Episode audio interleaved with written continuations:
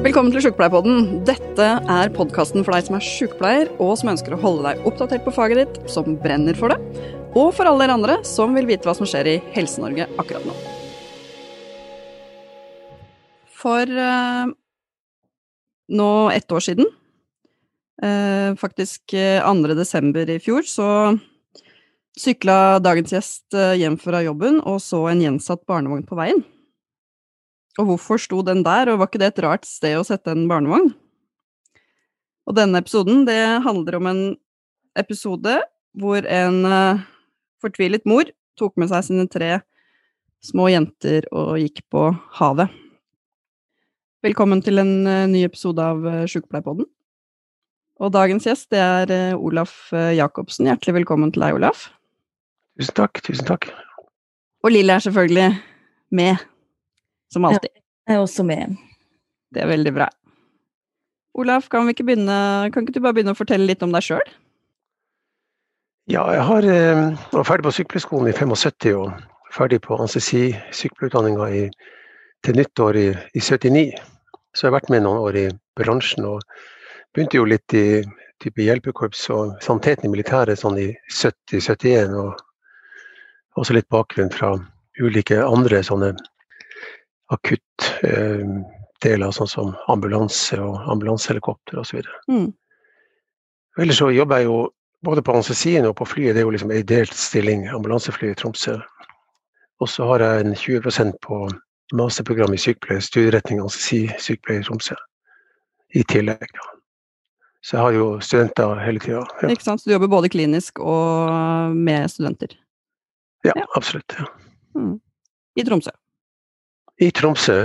Universitetssykehuset Tromsø og Universitetet i Tromsø. Så Lill, du, du, kjente Olaf litt fra før? Jeg kjenner ikke Olaf uh, veldig godt, men jeg hadde, hadde, veldig lyst til å ha deg med i den podkasten her, Olaf. Og det er ikke bare pga. Uh, eh, den spesielle situasjonen og den hendelsen i, i fjor uh, på Fagereng, men det er fordi at jeg kjenner deg som en, du er en sånn typisk uh, anestesi, luftambulanse, type som eh, er sånn energisk. Du har eh, gjort det Jeg har vært oppmerksom på det i mange mange år, også som sykepleier, som en uh, kliniker. Meget dyktig kliniker. Energisk, sprek. Horvelig sprek. Man sykler jo overalt. Og også en veldig godt likt lærer på anestesiutdanning. Mm. Mm. Og så begynte jeg jo introduksjonen i stad med å si litt om den episoden vi skal snakke om som skjedde for et år siden, og jeg må bare innrømme at før eh, Når vi diskuterte om vi skulle spille inn den podkasten her, jeg, jeg brukte ganske mye tid på å finne ut på hvilken måte man kan snakke om en sånn hendelse, uten at det blir respektløst, eller uh, at vi skal behandle det med den, uh, den respekten vi tenker at det fortjener, da, og at vi, vi, ønsker å lære noe av det her. Og så var det Olaf har uh, holdt noe undervisning knytta til knyttet til akkurat den hendelsen her, og jeg leste gjennom det han har gjort av undervisning på det, og hørte også på en annen podkast eh, hvor han politimannen som var med, eh, som kom som førstemann der når du ringte politiet, Olaf, eh, han politimannen har også vært med på en podkast, og så tenker jeg at sykepleierperspektivet i dette er veldig verdifullt. Og Lill har jo også skrevet et utrolig flott og veldig mye delt debattinnlegg i Nordnorsk eh, debatt, som vi skal snakke litt mer om eh, etterpå. Men når du da kom syklende eh, på etter jobb den desemberdagen, Olaf, kan ikke du liksom sette oss inn i hva som skjedde, skjedde da? Ja, jeg kom syklende på vei fra jobb på vestsida av Tromsø, ca. syv km fra sykehuset. Det var litt sånn eh, ruskevær sånn som det er nå. Litt sånn eh, Ikke noe veldig mye snø og ikke veldig mye vind, men litt. Rande, så det var sånn småkaldt. Så sykla jeg langs gangveien langs eh, sjøen der. Og så så jeg barnevogn som sto helt alene. Tenkte ikke så veldig mye over det, men liksom, jeg så den allerede 200 meter foran meg. Og, det var bare jeg som var på den sykkelveien der. Og straks jeg sykla forbi, så stoppa jeg. Da var jeg på en måte bekymringa eh, vakt gikk jeg tilbake for å se i barnevogna. Og eh, det var ingen der. Det var en unaturlig plassering. Det var ikke noen parkeringsplass hvor noen hadde satt den igjen og skulle komme og hente den. Eller det var ikke noen sånn spor etter masse unger som hadde lekt med i barnevogn. Så kjente jeg på barnevogna, der var det ingenting. Det var et sånt trekk som var over vogna. Og eh, da begynte på en måte det hele. Eh, jeg kjekk under vogna, der var, det lå det tre pass i den kurven som gjerne er under barnevogna. Og eh, jeg så at det var arabiskklingende navn i, i, i, de passene. Og jeg tenkte at pass er jo gull verd. Så det er ikke noe veldig smart å legge dem ute i, i uvær. Og da så jeg rett inn i en liten sånn sneskavl som er mellom gangveien og hovedveien. Og så jeg spor, mange spor som kryssa ut på hovedveien. Og da starta bekymringa. Da jeg begynte meg tilbake, eller kom tilbake opp, så var det ei dame som stoppa der, og Vibke Boch, som jeg ikke visste hva het da, som jeg i stund hadde eh, nærhet nok til å presentere meg for og spørre om hun ville hjelpe meg. Og det ville hun. Og da gikk vi raskt ned i fjæra over veien, og det var ca. 50-70 meter ned til fjæra, ikke mer enn det. Og da gikk vi forbi masse små spor. Jeg hadde ikke noen sånn tanke på om det var barn eller om det var voksne, men det var små spor. Så gikk vi lag ned til fjæra, det fortsatt var det blåst, kanskje litt mer blåst og litt sånn hagl i øynene. Så så vi at sporene gikk ut i sjøen. Men allerede når jeg så passene i barnevogna, og så sporene, da fikk jeg den fryktelige mistanken. Og vi fulgte sporene helt ned til sjøen helt ned til vannkanten. Det var jo sørpa, så det var veldig god, god sporsnø. Da fikk jeg jo den fryktelige mistanken, eller vi gikk over i en sånn erkjennelse av her var det et eller annet som hadde skjedd. Det var ikke noe som verken jeg eller vi til sammen satte noen ord på. Og kommunikasjonen var jo liksom eh, at jeg spurte om hun kunne gå sørover og søke i fjæra, og jeg kunne gå nordover etter jeg hadde sagt det, så ringte jeg til politiet. Det var på en måte erkjennelsen at det hadde skjedd et eller annet. Mens jeg prata med politiet, så fikk vi søkt fjæra. Og hun eh, hadde jo da allerede funnet eh, på sin teig to sko eh, i en størrelse og en i en annen størrelse. Barnesko, eller støvletter. Gikk jeg tilbake opp, for politiet ville at jeg skulle opp og lese navnene ordentlig til dem. Så gikk jeg opp og og, og leste navnene. Det var veldig vanskelig å kommunisere, så jeg måtte gjenta det mange ganger, for det blåste i, i mobilen. Og da kom hun og viste meg skolen, og de prøvde å rope til meg, men det var for mye vind til at jeg hørte det. Og allerede da når vi hadde fått lest gjennom, eller jeg leste gjennom, hun hjalp meg med å, å, tyde det som sto der, og få riktig uttale, så hørte vi jo blålysene i det fjerne, og vi hørte eller sirenene da, og så blålysene. Og da var måte det hele i gang. Så det var på en måte den, den intuisjonen eh, som man kan liksom sette mange sånn ord på. Det var jo en, en dose hjelpekorps, en dose sykepleier som, eh, som gjorde det, og den ballasten man har med seg. Men eh, det var jo veldig sånn klare tegn. Jeg snakka med mange etterpå som, som, hadde tenkt å stoppe, men ikke gjorde det. Men de kjørte biler. Så de var på en måte litt lenger unna vogna. Så jeg var på en måte helt borti vogna. Så det var kanskje lettere for meg å stoppe. Mm. Ja, for det Jeg tenker at mange ville sikkert bare sykla videre. Kanskje fått følelsen her er det noe som ikke helt stemmer, men slått det fra seg og sykla videre. Uh. Ja, ikke sant. Og det har jo man gjort mange ganger ved alminnelige uhell. Her var jo en grusom sak, men, men, det er jo mange som har sykla forbi eller kjørt forbi. Og, selv om det har vært noen som har kjørt og kollidert eller hva det måtte være for noe. Hvis man liksom var litt lenger unna. Mm. Hm. Så, så det, en, ble, det ble en veldig nokså konkret sak som, som gjorde at jeg stoppa, og som gjorde at jeg undersøkte. og Det ble jo enda mer konkret straks jeg så under barnevogna. Da så jeg jo rett i sporene. Det var jo liksom bare 60-70 cm fra øynene, så mm. den lille snekanten. Så jeg så den jo veldig tydelig. For da var det en type sånn liten sti nærmest, ned over skavlen og ut på veien og ned til sjøen, eller? Det var jo en nybrøyta eh, gangvei, nybrøyta hovedvei.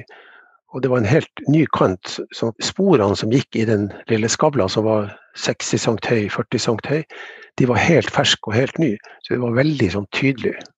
Mm. Hm. Jeg har tenkt masse på det med, med å stoppe, um, som du sier. Uh, jeg, jeg, tror ikke det er tilfeldig at det var du Olaf som stoppa. Eh, og det er som du sier, at det å være i bil, er du litt lengre unna. Men likevel, det å ha den oppmerksomheten på, på det Jeg var, jeg var ikke overraska da jeg hørte at det var du som hadde, du som hadde stoppa og sånn sett um, initiert le leteaksjonen og det som, det som ble den um, tragiske funnene her òg. Og så hang jeg meg opp i, når du har pratet om det her også, så har du sagt noen ting om at du, og du sa det nå også, at du, du tok deg den tida til, til, å håndhilse, til å snakke med, med, med hun som kom forbi. Det å se henne i øynene, og det at det ikke bare er noen det du på en måte tar tak i. Du tar, benevner med navn og håndhilser. Hva tenker du at det gjør? Ja, jeg tenker at øh, øh, nå kan jeg ikke være helt sikker på at jeg fysisk håndhilser, men jeg så i øynene og hilste på henne på et eller annet tidspunkt. Og presenterte meg også på et tidspunkt. Men iallfall var poenget det samme at uh, da får du på en måte en sånn Det blir på en måte en sånn closed loop-kommunikasjon. altså Det blir på en måte en sånn uh, at man uh, og, og, da blir det på en måte en, en, en kontakt som, som, hvor man får på en måte en respons hvor man skjønner at hun kan tenke seg å være med og hjelpe. Mm. Hadde hun bakgrunn Hva slags bakgrunn hadde hun? Jeg er faktisk ikke sånn 100% sikker på hvilken bakgrunn hun har. Vi har ikke snakka så mye om det. Vi har truffet flere ganger og teksta en del og ringt henne noen ganger. Sånn. Men uh, har ikke en sånn direkte helsebakgrunn, sånn som, sånn som jeg har. Mm. Eller førstehjelpsbakgrunn. Hun har, men hun har en bakgrunn i, i beslekta arbeid, sosialarbeid, etter det jeg forstår. Mm. Men så gikk jo du opp og ringte politiet igjen, og så hørte, og så sier du at du da allerede da hørte du sirenene. Så politiet var jo ikke så langt unna. Ja, jeg ringte jo politiet når jeg kom ned til sjøen. Vi, når vi begge to kom til sjøen, mm. da ringte jeg til politiet. Allerede da. Mm. Og så prata jeg jo med dem hele veien videre mens jeg søkte. Og når jeg gikk opp og leste passene på nytt, så da hadde jo dem et antall minutter. Og da hørte jeg jo ambulansene også, og brannvesenet som kom også. Mm. Så alle kom jo på en måte i rekke og rad, men politiet var først. Mm. Og det var to politipatruljer som kom, som jeg tok imot og pekte ned mot fjæra. Mm. Og de sprang jo ned på, på sørsida av det naustet for å unngå å tråkke i sporene. Så de var jo også oppmerksomme på sporene som jeg hadde rapportert. Og vi var jo faktisk også oppmerksomme på sporene. Det var på en måte litt sånn ryggmargs... Så vi, jeg tror ikke vi tråkka mye i de sporene vi gikk ned. Mm. Og han politien som, eh, som du nevnte, han Sverre, han, han, ropte funn, og da sprang jeg igjen i fjæra for å unngå og da unngikk jeg å springe i sporene. Så jeg var på en måte nede og ble med på førstehjelpa på den minste ungen etter ganske få si, sekunder den var tatt opp. Det hadde på en måte Politiene som var der, det var vel ca. fem stykker av to patruljer. Og jeg tror det var tre politistudenter, i hvert fall to erfarne politifolk. Han Sverre og, og ei til, og så tror jeg det var tre studenter. Så på den lille så var det en, en politistudent som faktisk vokste opp akkurat i den fjæra. Mhm. Helt tilfeldig. Altså i, de, i, den gården som tilhører den fjæra. Og um, så overtok jeg luftveien. Jeg tenkte at det var naturlig, og det var noe jeg forsto meg forholdsvis brukbart på. Mm.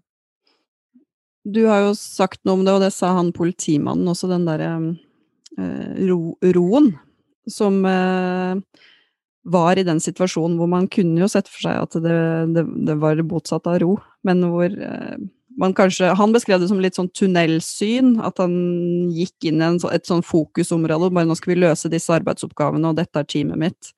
Og det samme har jo du skrev du noe om også, at eh, det var en veldig sånn eh, ro over hele situasjonen. Ja, og det tror jeg det beror på mange ting. Det beror selvfølgelig på folkene. Altså, så beror det på at man tenkte enkelt, det som jeg vil kalle det sånn der eh, norsk bonde-ansesi-måte å tenke på. Altså, fokusere veldig på det som er viktig. Og her var det basal HLR som var viktig. Vi hadde allerede varsla. Vi så blålysene, så vi skjønte at de som kom til ellers av ambulanse og brann, de kom til å se oss. Så vi trengte ikke å ta imot dem, så vi kunne fokusere veldig på HLR-en. Og jeg tror vi alle prøvde å, å, få til en sånn ro, som du sier. Altså, jeg kaller det for smittsom ro. Mm. Altså at alle, alle bidro til det. Hva gjør du for å skape det, tenker du også som lærer? Um, du, du, skrev også at dette er ikke noe som man lærer, i, lærer, om i lærebøker. Kunne man ha skrevet om det i lærebøker, eller hva gjør du for å skape den roen? Du har mange mange års erfaring som du sier, på hjelpekorps og anestesi jo luftambulanse, men likevel, hva gjør du? Nei, jeg tror at det som, eh, som eh, jeg prøver å, å gjøre i den grad altså Mye av det, sånt er jo ikke helt bevisst, men hvis man tenker på det som jeg tror jeg prøver å gjøre bevisst, det å fokusere på hva er problemet, altså erkjenne problemet, og så gjøre noe med det. Og så tror jeg at alle de her altså det som er i forhold til spørsmålet ditt, hva forsøker jeg å, å fortelle f.eks. For studenter? Det at de skal tenke enkelt. Så hvis de på en måte går på et HLR-kurs eller AHLR-kurs eller et ABCD-traumekurs, så lærer de jo en ABCDE eller plan blåst, altså en rekkefølge å gjøre ting på. Jeg tror at hvis de har en av de ballastene, så har de noe å holde seg fast i. Det tror jeg er det som jeg prøver å formidle, og det er sånn som jeg tenker, og jeg prøver å formidle det jeg tenker. Det tror jeg har måte, sånn, både sånn helsefaglig hold i, og også sånn pedagogisk hold i. Ja. Mm. Bare sånn til andre, så HLR eh, betyr altså hjerte-lungeredning, og HLR er avansert hjerte-lungeredning, og BLOST står for altså det er egentlig hva det blir bevissthet, luftveier, åndedrett, sirkulasjon og temperatur? Ja, eller skader og, og sirkulasjonsskader og temperatur. Ja. Hva består det? Det er jo sammen med, med luftvei, og ja. åndedrett, sirkulasjon og ja, de andre tingene, nevrologisk tilstand, altså våkenhet. Og også eh, det med temperatur kommer jo inn på den ene. Ja. Jeg har jo jobba en del Olaf, det vet du også, som lærer både på bachelor og på masterutdanningene. Og en del av det har jeg også tatt med meg til, til ungene mine og andre når vi kjører bil, f.eks. Så derfor jeg lurer på om det er noe med den oppmerksomheten som sykepleier, og kanskje også som sykepleierlærer, når du har, du har gjort det her veldig mange ganger. Så både det å være oppmerksom på hva er det du ser eh, Jeg bruker å tenke på når jeg kjører bil, og hva er det jeg ser rundt neste sving? Hva kan, hva kan komme til å være på når det er dårlig vær? Hva er det jeg må være oppmerksom på? Og så har jeg lært ungene òg den her med bløst. Sånn at de skal være oppmerksom på det. Nettopp fordi at um, det du trener på, det blir du jo god til. Så det du har trent mange ganger på, eller huska mange ganger på, det skal forhåpentligvis sitte også når du blir redd. Også når man blir urolig, når man blir bekymra. Andre ting. Vær, vind, uro som er rundt. Mm. Da har man en arbeidsoppgave, og der var det jo eh, nok folk til at dere kunne fokusere på én arbeidsoppgave hver òg. Og det, da slapp du også å komme i den situasjonen hvor du skulle prioritere. Da. Jeg skjønte at der var det nok mennesker at det var HLR på alle de som ble henta opp av sjøen, fordi det var jo da tre barn, ikke sant? Det var tre, tre først, ikke sant, mm. også. Den, den, fjerde kom jo senere. Ja. Mm. Men jeg tror det med oppmerksomhet er jo et poeng. Her var jeg alene av, den som måtte og jeg, jeg, Når man sykler, så har man mulighet til å kikke litt til sides også for trafikken. Men 17. mai forrige året så var det kona mi som kjørte hjem fra 17. mai-tog. Da kjørte jeg bil. Det var hun som var oppmerksom hos Wisner hvor hun så ei dame som lå og fløyt ute i sjøen. Mm. Og, og, gjorde at vi stoppa og gikk ned og prøvde å få henne på land. Bære henne på land. Og, og, og, en annen gang så var det f.eks. oppe i Målselv Dagfinn Granlund som hjalp til å, å få en inn fra kulden, som så den personen som lå i veikanten sammen med noen andre. og De trengte hjelp til å få inn den kalde personen, for det var jo vanlig innlandsklima med 25-30 kuldegrader. Så den oppmerksomheten, den tror jeg på en måte Eh, alle kan, eh, kan, ha. Og så har man jo på en måte den andre ballasten med seg som gjør at man kan gjøre noe, noe spesielt i situasjonen. Mm. Og den, det, det, er helt uh, enig Jeg tenker Den oppmerksomheten den kan vi alle sammen også trene på å ha. Ja, og som du sier med ungene og førstehjelp, altså at, at, all trening er viktig. Ja. Men også sånn at vi faktisk ikke trør over. Det er noe med det. Eh, han, eh, her i Tromsø, jeg husker at det lå, for noen år siden, så lå det en, eh, en mann på gata. Helt tydelig rusbruker. Og lå og ble snedd, altså snedd og ned. Der på lang avstand så kunne jeg se gjennom Storgata at folk trakka over han, altså bare trødde over han. Sant? Så det er noe med en oppmerksomhet. Du trenger ikke være sykepleier for å ha en oppmerksomhet på at du skal hjelpe folk opp når de ligger. Så noe med det. Det er jo også en sånn situasjon med en sånn pasient, akkurat det eksempelet som, som, du har, uten at jeg hadde liksom brukt akkurat å ha eksempler med sne, men et sånt eksempel bruker jeg å ha når jeg kjører hjerte-lungeredningskurs. Jeg kjørte et hjerte-lungeredningskurs for tannpleiestudenter her sammen med en kollega her for 14 dager siden. Og da nevnte jeg et sånt eksempel. altså at da kan du gjøre, mens du ringer 113, så kan du gjøre bare hjertekompresjon, hvis du klarer det. For det klarer alle. Og tør alle. Og, og det, liksom blir ikke, det, er litt, det er en mindre terskel for å gjøre bare hjertekompresjon. Det er faktisk nyttig, det også. Mm. Selv om du ikke får deg til å gjøre munn til munn. Mm. For Det sa du òg noen ting om nede i fjæra, det beskrivelsene dine der du er du, du, er, jo garantert du er våt og kald, og det er problemer med å få opp munnen på, um, for å kunne drive, drive uh, altså åndedrett, få, få åndedrett. Hvordan var det? Nei, jeg, jeg skjønte jo ganske fort at, at luftveiene var det jeg kunne bidra med på den, på den lille. og Jeg tok frem en pusteduk som jeg har i lommeboka. Hadde jeg ikke hatt det, så hadde jeg kanskje tatt et lite stykke tøy jeg kunne blåse gjennom som en sånn slags beskyttelse. Og eh, jeg var jo kald på hendene, og ungen lå enda i sørpa. Det var sørpa hele veien opp, og, eh, og var stiv i kjeven. Sannsynligvis pga. kulden var jo allerede nedkjølt en del. Selv om det ikke var en frostskade, så var det nedkjøling og en stivhet. Så det gjorde at det var veldig vanskelig å få opp munnen. Men det er klart, og jeg tenkte at det her kommer det sjøvann og oppkast opp gjennom neseboret. og Vi snudde ungen på sida jevnlig. Og da tenkte jeg at det er jo en luftvei. Og hvis man ser på hjerte-lungeredningsplakaten og ser på spedbarn og vi, vi, tenkte jo at her var et spedbarn selv om det var passert et år, det visste jo ikke vi noe om. Så tenkte jeg at hvis jeg blåser gjennom både munn og nese, så får jeg i hvert fall noe luft inn. Og jeg får i hvert fall så bra som noen kunne klart det i situasjonen. Mm. Og jeg syns jeg fikk noenlunde orden på det, og jeg fikk det gjort så godt som noen kunne få til. Og hun erfarne politidama som jeg jobba med, hun hadde stålkontroll på, på kompresjonene. Og vi klarte å holde 15-2, som vi gjerne anbefaler til de små ungene hvis man er helsepersonell eller folk som har litt ekstra ansvar for barn. Og, eller så er det jo 32, med luftvei, hvor man starter med luftveien med innblåsing, for det er ofte luftveisproblemer hos unger. Og jeg tenker at den enkle der var det vi fokuserte på. Og det var jo, når du gjør munn til munn, så har du jo nesten ikke pust til å si noe annet enn 15-2, ikke sant. Det er liksom Eller vi snur. Så, sånn er det jo å være fokusert, tenker jeg. Hvor lenge drev dere på? Vet du det? Eh, de tidene ligger jo ute på oss politiet. Men hvis vi sier at um, vi uh, holdt på i mer enn fem minutter, og mindre enn ti minutter til den første ambulansen kom til. Og så ble jo jeg meg å være med og følge den ungen inn i ambulansen. Så jeg ble med den ambulansen inn til sykehuset med akkurat den samme ungen. Hvor jeg kommuniserte med den anestesilegen som kom ut, han Magnar, om vi skulle bare ta han rett inn i bilen, og han var enig i det. Så da uh, kobla vi på en hjertestarter med en brannmann, Håvard kom, kom til meg. Jeg skjønte jo at det var sannsynligvis ikke noe rytme som kunne sjokkes, en enkel hjertestarter. Men vi gjorde nå det. Og så, etter det var eh, gjort, så tok vi han inn i sykebilen, og da ble jeg med. Og akkurat på slutten i fjæra, da fikk jeg jo også en svelgtube og en sånn pustebag som jeg kunne puste for ungen med. Og da fikk jeg ordentlig frie luftveier. Mm. Så ble jeg med sykebilen inn, og da fortsatte vi videre der. Jeg la med han Øystein, ambulansepersonell.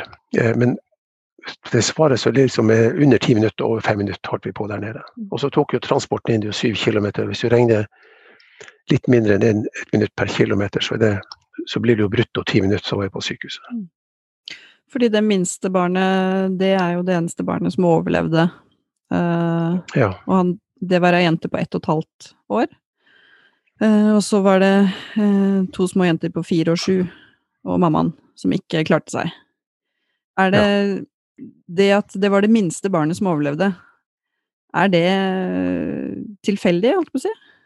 Kan går det an å si noe om det, sånn i forhold til eh, at Det, jo, det at de er så nedkjølt, for eksempel, det Det veit man jo har betydning for at man kanskje kan overleve, men det at det var akkurat den på ett og et halvt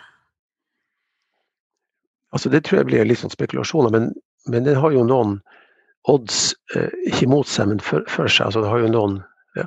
Altså sånn som kanskje blir fortere nedkjølt. Mm. Kanskje eh, holder seg flytende mens det blir nedkjølt til at den drukner. Mm. Kunne man også tenkt seg. Det er ikke sikkert at det er sånn, men iallfall at den blir raskere nedkjølt. Det tror jeg man kan si. Og så kan man jo si andre enn altså at den har mer reserver i forhold til å, å klare seg. Vi har jo eh, mange eksempler på nedkjølte personer som har blitt nedkjørt før de fikk hjertestans, altså hvor det har vært en beskyttende sak for, for sentralnervesystemet, altså for hjernen og ringmargen. Mm. Så um, jeg tror ikke man kan si noe mer enn det. Jeg tror heller ikke de som har studert veldig mye vitenskap, kan si det. Men dette med nedkjøling, som du sa var innom, som du har jo sikkert eh, opplevd eh, mange ganger, både i hjelpekorpset og i luftambulansen, eh, veldig nedkjølte personer. Kan du ikke si litt om kunnskap rundt det, hva vi, hva vi kan om det? det? Det som jeg oppfatter, det er jo poenget altså at nedkjøling beskytter hjernen, som jo ellers blir skada etter ja, fem minutter uten surstoff. Mm.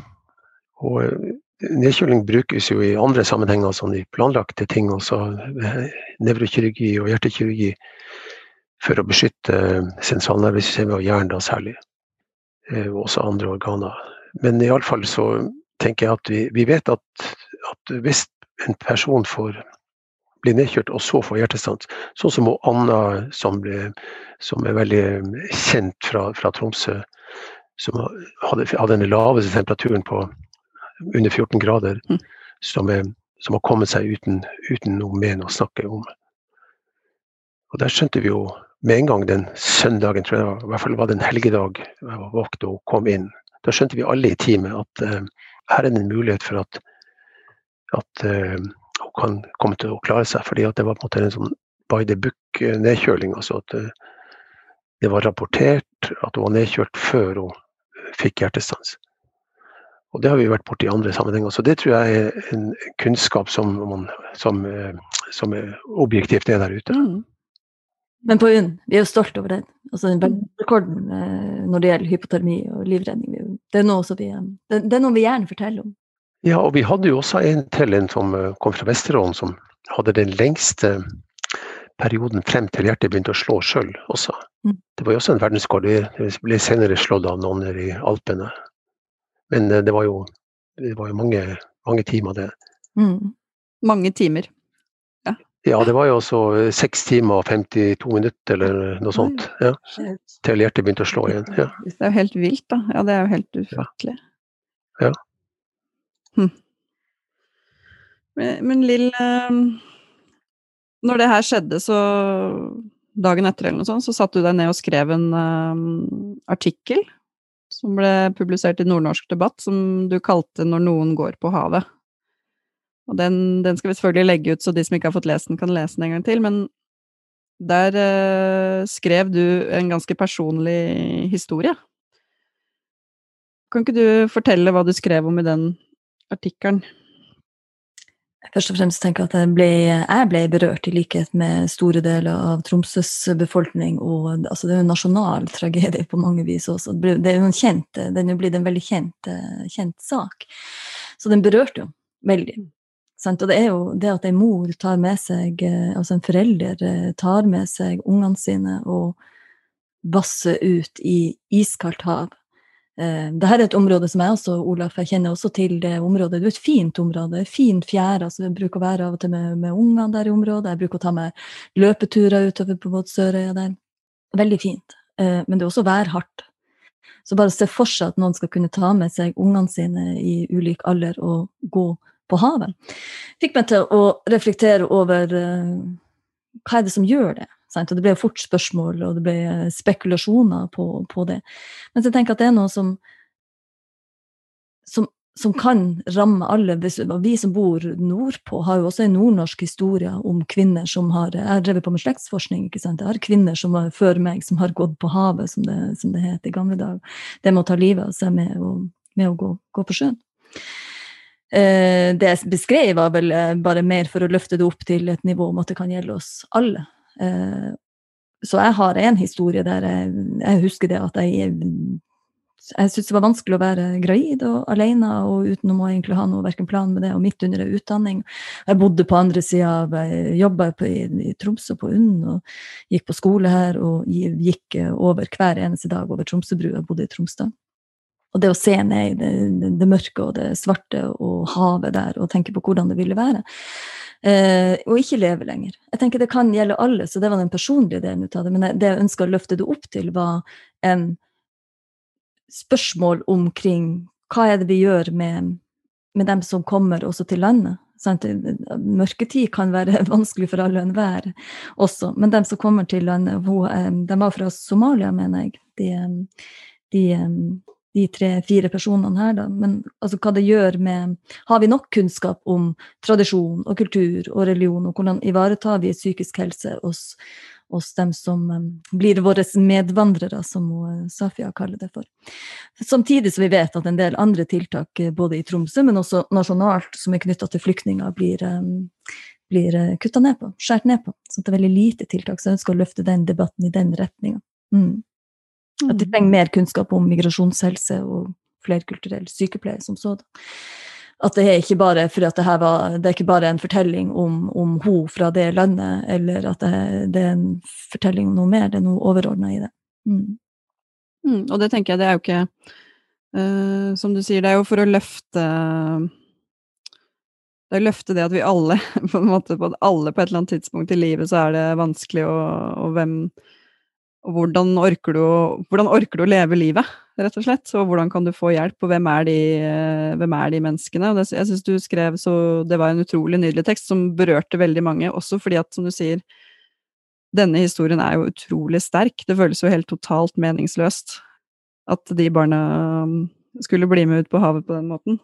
Og så syns jeg også du sier noe viktig knytta til hva slags erfaringer, personlige erfaringer, vi som sykepleiere skal ta med oss inn i møte med mennesker. Altså Alle har en ulik bakgrunn, da, og hvordan bruker du de uh, Hvordan bruker du man sine egne erfaringer til å uh, allmenngjøre det, på en måte? Mm. Eller til å forstå og være oppmerksom på, og dermed kunne være med på å forebygge hendelser. Mm. UKOM, altså Undersøkelseskommisjonen, Olaf, har jo tatt, eh, tatt denne saken og gjør undersøkelser på den, om det var noe Kunne man uh, fange det opp på noe vis, altså nettopp med tanke på læring? Mm. Ikke for å ansvarliggjøre noen i denne situasjonen, men for å lære, sånn at man eventuelt kan forebygge andre. Jeg har tenkt mye på, um, Olaf, at det må ha vært en utrolig Eh, det kunne vært, i hvert fall. Eh, kanskje spesielt for de politistudentene, de håper jeg virkelig har fått god oppfølging. Men også for deg som er veldig erfaren, så er jo ikke dette akkurat hverdagskost. Altså, har du blitt inkludert i noen type debrief uh, av noe slag, som helt sikkert både politi og helsepersonell har hatt, siden du jo, du var jo ikke på jobb uh, idet du kom dit? Nei, altså vi hadde jo en samling på anestesi operasjonsavdelinga på kvelden. Når måte, man hadde liksom etablert uh, oppvarminga med hjerte-lungemaskin på de fire syene. Uh, og, så de som kunne da gå ut, fikk seg litt pizza og, og cola og, eller brus. Og, og, det var en sånn samling hvor man gikk gjennom det her. Og det var jo på en måte den første, selv om det var en måte sånn mer konkret mot uh, hva gjør vi nå utover i kvelden. Hvordan går det med de her fire? Men iallfall så var det jo den første samlinga. Og senere så ble det jo ei samling på avdelinga etterpå. Men jeg gikk jo inn i en jobb på hans siden etter jeg hadde levert den lille ungen til han, til han Jens Petter og, og Frauke, kollega altså, Jens Petter, anestesilege. Så gikk jeg ut og så meldte jeg meg til jobb. Så da gikk jeg jo inn og tok annen øyehjelppasienter den kvelden. Så jeg var jo på en måte ble jo da også inkludert i, i den jobbmessige debrifinga. Og det var jo utover hele den uka så var det flere møter på anestesi- som jeg syns var godt over middels bra måte å gjøre det på. Man hadde litt, tatt av litt tid, og det tror jeg er et poeng. Det trenger ikke være timevis, men liksom mer enn en fem minutter. Det må, være må iallfall være en, en liten halvtime. Det syns jeg var bra. Så var jeg også, tenkte jeg motsatt. Jeg tenkte at det er ikke bare det altså, hva har jeg fått, men hva kunne jeg gjøre? Så jeg var med og, sammen med ambulansen og prata med dem. Den ambulanselederen spurte om jeg kunne være med. Og Det syntes jeg var OK. Og jeg tok meg også tid senere til å snakke med hun erfarne politidama og møte henne. Og Det tenkte jeg også var noe både for meg, men jeg tenkte motsatt. Jeg tenkte hva kan jeg gjøre for de andre? Og Det er klart at det har jo nytte av sjøl også. Og hun Vibke som jeg lette sammen med i fjæra, hun tok jeg meg også tid til å invitere på, på besøk. Hun kom bort på sykehuset og pratet med meg, og fikk også snakke med den anestesilegen som hadde nettopp den lille ungen. Mm. Mm. Så noen sånne ting gjorde jeg, og fikk også ha kontakt med politiet. og tok meg tid dagen etterpå til å hilse på de fra det vaktlaget som, som var ute der, og, og ga dem en liten oppmerksomhet. Og da fikk jeg veksla noen ord med dem. Så jeg syns det har vært brukbar eh, oppfølging av de som jeg har kontakt med. Men kanskje systematikken er, er ikke helt uh, god, sånn som det har vært ute litt i, i media annet fra ambulansepersonell. Er dere på der hvor du jobber på, på UNN, har dere systematisert dette med debrifing, og jobber dere liksom med det på en spesiell måte, eller er det litt sånn etter når man tenker at det er behov?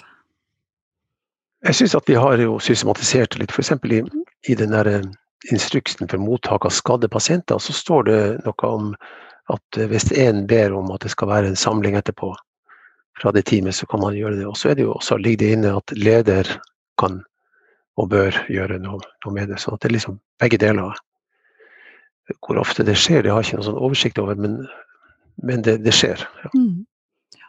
Han, han, politimannen som eh, du sa het Sverre, men jeg huska det ikke. Men på den podkasten jeg hørte med han her om dagen, så sa han om at um, han hadde hatt stort behov for hjelp etterpå. Altså ikke bare sånn debrifing, men også psykolog, psykologhjelp. Og så satt han det litt i sammenheng med at han har små barn sjøl på akkurat samme alder, da.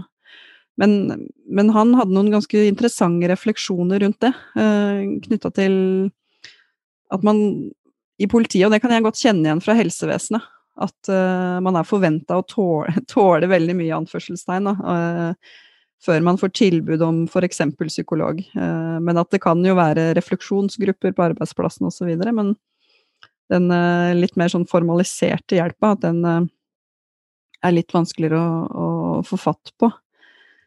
Har du tenkt over det i løpet av dine 40 år som yrkesaktiv? At at vi noen ganger tar litt lett på akkurat behovet for debrifing? Ja, altså jeg har jo, jeg har jo 40 år på anestesien, og så har jeg jo, har jeg jo et antall år før det, fem år før det. Så har jeg jo brukbart med året, og jeg var jo i akuttbransjen allerede fra 71 på ambulanse og sånn, vikar brannmann. Men iallfall så har jeg opplevd alle, alle ytterligheter fra den der Eh, hvor jeg går ut på kafferommet med to kirurger hvor vi har en situasjon hvor det liksom har gått veldig dårlig. og Da er det liksom fem minutter kaffe og røyk. Mm. Det er liksom den korte. Og så har jeg opplevd også i den der eh, perioden hvor katastrofepsykiatri hadde veldig mye vind i seilene, hvor man skulle samles i flere dager nede på flyplassen bl.a. Eh, og de som ikke kunne være i flere dager, de fikk ikke lov å være med. Så det var liksom alle ytterlighetene. Mm. Men jeg tror at eh, det som jeg opplever og har erfart og har fått vite av andre, det er at det er for lite systematikk også med å få til de enkle tingene. Altså den der halvtimen sammen mm. som jeg snakker om. Og så er det også det her tilbudet om de som trenger noe mer enn det. Det være seg med helsesøster, kriseteam i kommunen kanskje, eller psykiater eller psykolog, for den saks skyld, sånn som Sverre snakka om, og som også vet andre har snakka om at de hadde i denne eh, situasjonen her. Så jeg, opplever at det er veldig forskjellig, så det er veldig avhengig av den enkelte og den enkelte leder og den enkelte kollega. Mm. Mm. Ja. Det, det, er min erfaring, og jeg tror det er mange, mange som uh, sier noe om det, at det er veldig ulikt. Og så har jeg eh, hatt en arbeidsplass hvor de var utrolig gode på det òg, hvor de hadde systematisert det veldig, og de var eh, eh, veldig gode på det. Og så har jeg hatt arbeidsplasser hvor man aldri har nærmest eh, beveget seg inn på det. Så, men jeg har jo veldig tro på at vi, også fordi man skal lære ting det, også, Vi reagerer jo forskjellig, ikke sant. Det er jo ikke alle som trenger uh, psykolog, men vi trenger å lære av det. Hva er det vi fikk ut av dette som vi skal ta med oss neste gang, og som vi skal gjøre annerledes eller bedre, eller hva gjorde vi bra, osv.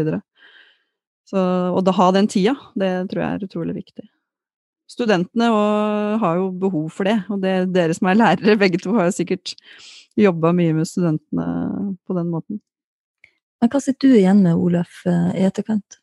Hva har du tenkt at du Har, har du lært noe ut av det, og hvordan, eh, hvordan har du det i etterkant knytta til denne? Det er jo en særlig episode.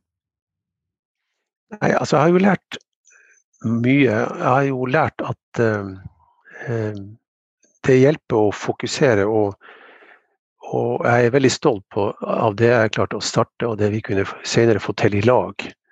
Bare med å gjøre det enkle, den enkle søkinga, den enkle bekymringa, den enkle undersøkelsen, den enkle hjerte-lungeredninga med litt sånn avanserte tiltak, sånn som en svelttube og den typen ting etter hvert. Jeg har også lært at, at um, mange eh, F.eks. noen av de ambulansepersonellet som var med ute der, de torde ikke å se den EDN3-episoden. Men jeg har også lært at sånn som jeg har tenkt, at, at eh, jeg skal ikke bare sitte og vente på de andre. Jeg kan jo bli enig med politikvinna og med hun Vibke, som jeg jobber med i fjerde, at jeg kan jo avtale å møte dem. Altså og tenke at det er ikke de to timene vi trenger å ha sammen, det er den halvtimen som er viktig. Mm. Jeg syns det er utrolig fint, faktisk. For det er jo en ting den systematikken som, som, er en lederoppgave, og som er en eh, som skal eh, sånn sett gjennomsyre hele helsetjeneste eller helseorganiseringen, helsesystemene også. Men man trenger jo ikke å vente. Man kan jo be. Man, eh, og det, som du sier Ja, nettopp. Man kan be i tillegg til at man kan gjøre noe sjøl. Ja. Begge deler. ja. Og det mener jeg Hans Sverre, her, politi, politimannen, også har sagt, politibetjenten også har noe om. Det er ikke bestandig det kommer med en gang. Sant? Så det å ha en systematikk eventuelt, eller å kunne be om det og gjøre sjøl når du kjenner et behov, er jo også viktig. Det er jo ikke en leder som vil kunne vite når du har behov for det, nødvendigvis, så du må kunne si noe om det sjøl.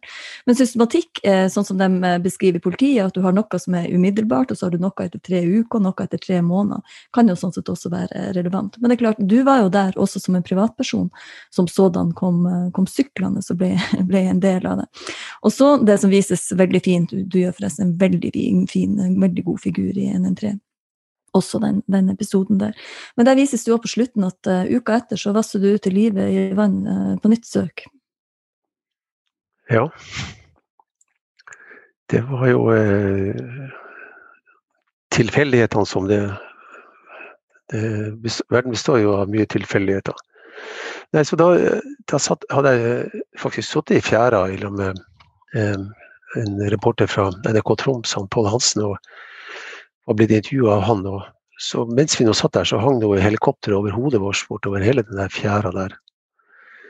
Og um, vi var ferdige og sikkert hadde en halvtime eller tre kvarter, så holdt den jo på å lete fortsatt. Og da uh, sykla jeg uh, bort til, til, der hvor hjelpekorpset hadde oppmøteplass og meldte meg til, til hjelpekorpset. Og ble skrevet opp i loggen der at med tanke på at jeg forsto at det var leiting etter noen i sjøen. Og, og, og så ble, diskuterte jeg med de som leda liksom, skadestedet på helse der, eh, og, og, ble enig om at jeg skulle være med en av ambulansene i første omgang.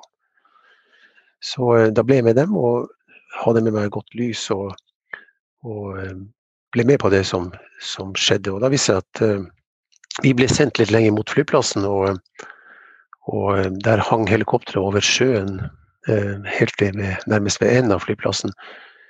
Eh, og, og, lyste på noe de fant i sjøen. Og Da dro vi ned til sjøen der sammen med ambulansepersonell, og, og, da tenkte jeg at jeg hadde jeg lyst til å gå ut og se. Det var noe nyttig at jeg gikk ut og, og så. Så da vassa jeg ut til den plassen og, og kjekk og fikk avklart at det var ikke noe det var ikke noe barnevogn som de hadde trodd kanskje var der, eller det var ikke noe sånne ting. Det var noe, noe gammel refleks og litt skrot. Mm igjen, Olaf, jeg tror ikke alle enhver eh, vasser ut sånn som det der i, eh, i sjø og mørtna og uh, skelett og i det hele tatt, men um... Nei, men det tror ikke jeg heller. Og jeg tenker på den forrige gangen hvor den Fagereng-ulykka, så, så en ting var at jeg var opptatt med å ta imot politiet og lese passene, men jeg hadde ikke god nok løkt til å Det var ikke noe nyttig å gå ut. Mm. Så det var på en måte litt sånn bevisst på det. Og, og, og, og den andre gangen her for halvannet år siden, på 17. mai, hvor, kona vi så ei som lå i sjøen. Da, da, kunne jeg jo svømt ut, men da syntes jeg det var for kaldt og det var for langt ut. Mm. Så det, det, er jo liksom en vurdering av situasjonen. Jeg syns det er veldig fint at du sier, for det er jo noe med å du skal, Vi lærer jo det som helsepersonell, du skal hjelpe deg sjøl først for å kunne være i stand til å hjelpe andre. Det samme med bilulykker, at du ikke bare springer ut i veien eh, når du ser at det skjer noe, du må sikre, sikre bilen. Og det samme gjelder jo her. Sikre deg sjøl når du sikrer bilen, at du ikke blir påkjørt sjøl. Samme gjelder jo her, du må jo sikre deg sjøl som helsepersonell også når du skal hjelpe. Pusteduk, som du beskrev, er jo en del ut av det. Jeg går også rundt med på, på nøklene mine. Så stort sett så har jeg en sånn pusteduk. Og det er jo fra tidligere erfaring med å uh, måtte gjennomføre hjerte-lungeredning på, på, folk. Når du er som privatperson, også uansett hvor du er. Ja, det samme har du den grunnen. Akkurat nå har han ikke fordi at jeg ga den bort her forleden dag, men det er en annen sak. Skal vi sørge for at du får den til? får opp til flere. Jeg regner med at med din oppmerksomhet så vil du havne opp i flere, flere sånne. Ja. sånne. Kanskje må vi alle bli litt eh, bedre til å liksom titte rundt oss da, og gå tilbake en gang til og stole på magefølelsen. Det syns jeg var du, du sa helt innledningsvis, Olaf, at du, du kjente på magefølelsen at her var det noe som ikke var rett. Og den skal vi jo Den er jo selvfølgelig Magefølelsen din er jo litt spesiell, fordi du har 45 års erfaring som anestesisykepleier, som du sier, men allikevel så er det noe med å liksom Den kommer fra et sted, den magefølelsen. Ja, det, det gjør jo det. altså den, den, består jo av en dose ditt og en dose datt, og av det du har av kunnskap og erfaring og opplæring. Mm. Og det består jo av mange doser med en bevisst tanke. altså Du, du, du gjør en vurderingssituasjon. og og hvis du er fokusert, da, så, så, eh, så, er jo Jeg tror fokus er, et poeng òg. Og så da erkjenne situasjonen. Det tror jeg. Men forut for det er det jo fokuset. Og forut for det så er det jo det å bry seg. Mm. Mm. Og det kan jo være helt andre ting man bryr seg om den personen som sitter helt alene på benken. ikke sant? Mm. Det, og det er jo en oppmerksomhet i det òg. Det er et sitat som jeg bruker av og til, Henry Bergson, som har eh, som eh, at øyet ser kun det som sinnet er beredt til, at, eh, til, å se. Og det er noe med det sinnet, altså den sinnebevisstheten vår, det vi klarer å se, jo ut ifra hva vi har kunnskap om, men også den oppmerksomheten og den, det som du sier, det å bry seg. Det å være oppmerksom på om det er noen som sitter alene med en benk, eller om det er noen som du ikke har sett ut av døra på en stund, naboene dine. Fullt mulig å bry seg også i en by. Sier, det jeg som kommer fra landet, vet du. Vi må ha nabo, nabokjerringa, ikke sant? Som alle kjenner fra bygda. Den trenger vi litt mer av. Mm. Men Olaf, eh, tusen takk for at du tok deg tid, og for at du delte kunnskap og erfaringer med oss. Ja, det var veldig hyggelig å bli invitert. Ja. Mm. Så jeg tenker på at uh, vi som helsepersonell prøver å tenke enkelt. Det, det, er ofte det som får en start på, på en, en nyttig aksjon. Mm. Jeg syns du har en sånn veldig fin oppsummering med det som du har sagt om um, det oppmerksomhet og det å bry seg. Det å, det å um, tenke enkelt og gjøre de tingene du kan i den situasjonen du er i. Og det å um, Systematikk knytta til det blir for fint, men at det også er fullt mulig å be om eller å gjøre sjøl, sånn som du også har gjort. Jeg syns det er en ve veldig fin um, måte å snakke om det sykepleie, det òg. Og det foredraget mitt fra barnehansesikurset som var i januar-februar, det ligger jo ute på, på barnehansesi.no. Flott, da kan vi dele en lenke dit, og Olaf, for det der ja, er det ja.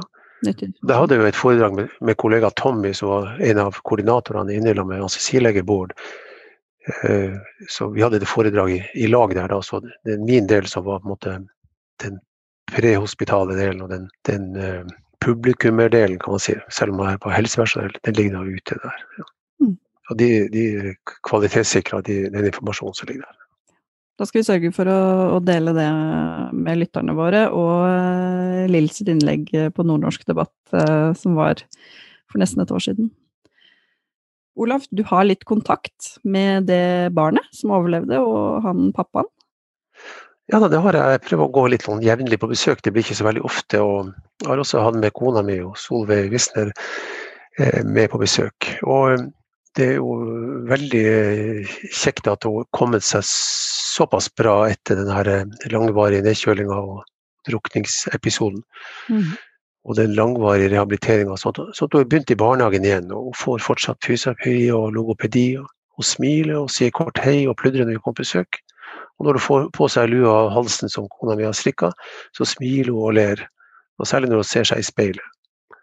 Og hun har også kommet seg såpass at hun kryper raskt og målrettet av gårde og undersøker alle lommene på jakken min med hensyn til å finne noe der. Og, og tar tak i sofaen. Og med, når hun har på seg ankelskinnene som hun bruker i rehabiliteringa, så kommer hun seg faktisk opp og står sånn middels støtt. Og er så, også såpass bra at hun finner drikkeflaska si og leker med den og tar den sjøl til munnen og drikker. og Prøver å finne fjernkontrollen på TV-en og se om hun kan gjøre noe skade med den. da, Så det er jo litt som, sånn som de, han sa, han, bistandsadvokaten, at hun har selvfølgelig påført skader etter å ha ligget i vannet så lenge, men ting går i riktig retning. Og hun vil selvfølgelig alltid være prega av hendelsen, som, som, han sier. da. Mm. Og jeg vil også slutte meg liksom til til det som faren sier, at han rekker stor takk til sykehuset og Tromsø for øvrig. Og da inkluderer han jo alle etatene som var med også. Og befolkninga som lagde innsamling og en minnestund, eller hva man skal kalle det, etterpå. Mm. For en fantastisk styrke for den familien at uh, de har dere, og da et sånn nytt nettverk som støtter dem. Det må jo være så fint å se det lille, lille mennesket, den lille jenta som klarte seg. Ja, absolutt. Og, og, man kjenner jo til andre episoder også hvor, hvor det har vært andre nedkjørt som, som, har klart seg bedre, og noen som har klart seg dårligere. Og, og jeg vet jo også at, at faren har fått kontakt med, med andre gode folk fra, fra Sør-Sudan, der han kommer fra, da, som, som hjelper dem. Mm det her er jo noe med det som er fantastisk med å hjelpe det å bidra, det, selv om det er tøft i den situasjonen man, når man bidrar, når du er i den situasjonen. Men det å se når det går bra. Altså, det her gikk jo også bra.